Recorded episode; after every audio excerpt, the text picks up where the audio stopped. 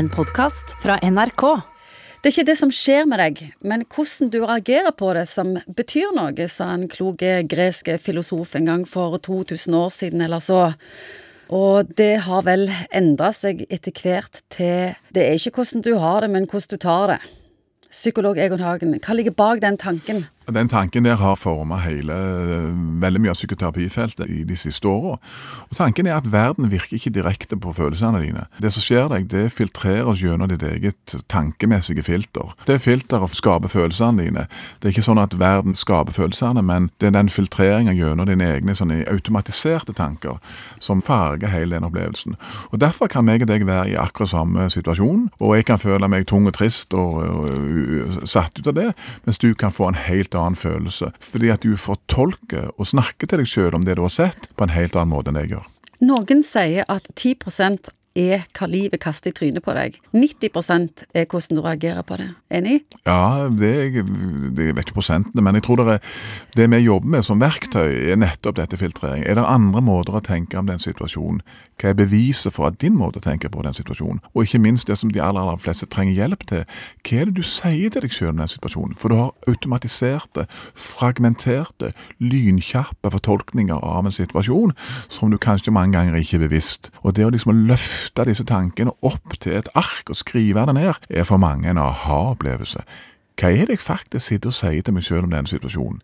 Fins det en annen måte å, forstå det som nå har skjedd på? Hva er de typiske feilene vi gjør når vi reagerer? Ja, når folk når har problemer, så er det som regel enten at de tenker svart-hvitt, at de tenker negativt, at de tenker at ting handler om seg selv, at det er sin feil. Altså har du vært i en, en eller annen sosial situasjon som ikke gikk helt som du tenkte, så tenker du alt dette er min feil, og du vil òg ofte generalisere. si at dette skjer jo hver gang. Du glemmer alle de gangene du har vært i sosiale situasjoner hvor det skjer det helt andre ting. Altså en negativ, sort-hvitt-aktig eh, sjølhenførende måte å årsaksforklare ting på. Har du en oppskrift? Ja, det, det, prøv, det vi gjør i forhold til sånn behandling av dette, det er at vi, vi folk får med registreringsskjema. Vi går ganske sånn vitenskapelig til verks. Og de f.eks. skal ta utgangspunkt i en, i en, situasjon som er vanskelig. Og så ber vi de prøve å skrive ned situasjonen. Beskriv situasjonen så godt du kan. Hva følelse du har. Og så skriver du den automatiserte, lynraske tanken som du har der og da. Og Det som er ofte det fantastiske, er at når pasienten kommer tilbake igjen med dette, og vi går gjennom dette skjemaet, så er allerede pasienten i ferd med å så tvil om at disse tankene faktisk stemmer. Og vi prøver å hjelpe til i forhold til det. Er det andre måter å se på dette på? Hvordan ville en kompis som alltid tar ting bra, ha tenkt om denne situasjonen? Og så prøver vi å få folk til å tenke alternativt. Er det andre måter du kan snakke til deg sjøl i disse situasjonene som gjør at life don't suck so much? Og at ikke vi kommer så veldig dårlig ut av situasjonen sjøl? Ja, absolutt. For de som blir flinke på dette, det går an å trene den tankemessige muskelen på samme måte som du trener andre muskler.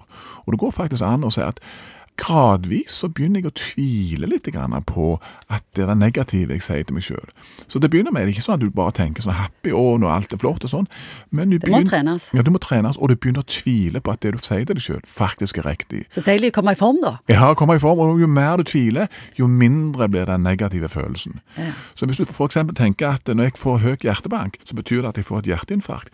Hvis vi begynner å grave litt i dette, og så begynner ja, det kan være andre sammenhenger, du har gått en lang tur, eller du har sex, eller hva det måtte være, så kan det godt være at du da begynner å tvile på at dette er et tegn på at du får et hjerteinfarkt. Og tvil gjør at panikken din og bekymringen din blir mindre. Så det å endre tanker er en fantastisk måte å endre hvordan ditt vindu ut mot verden og de opplevelsene du, du møter, kan endre seg. Du har hørt en podkast fra NRK. Hør flere podkaster og din NRK-kanal i appen NRK Radio.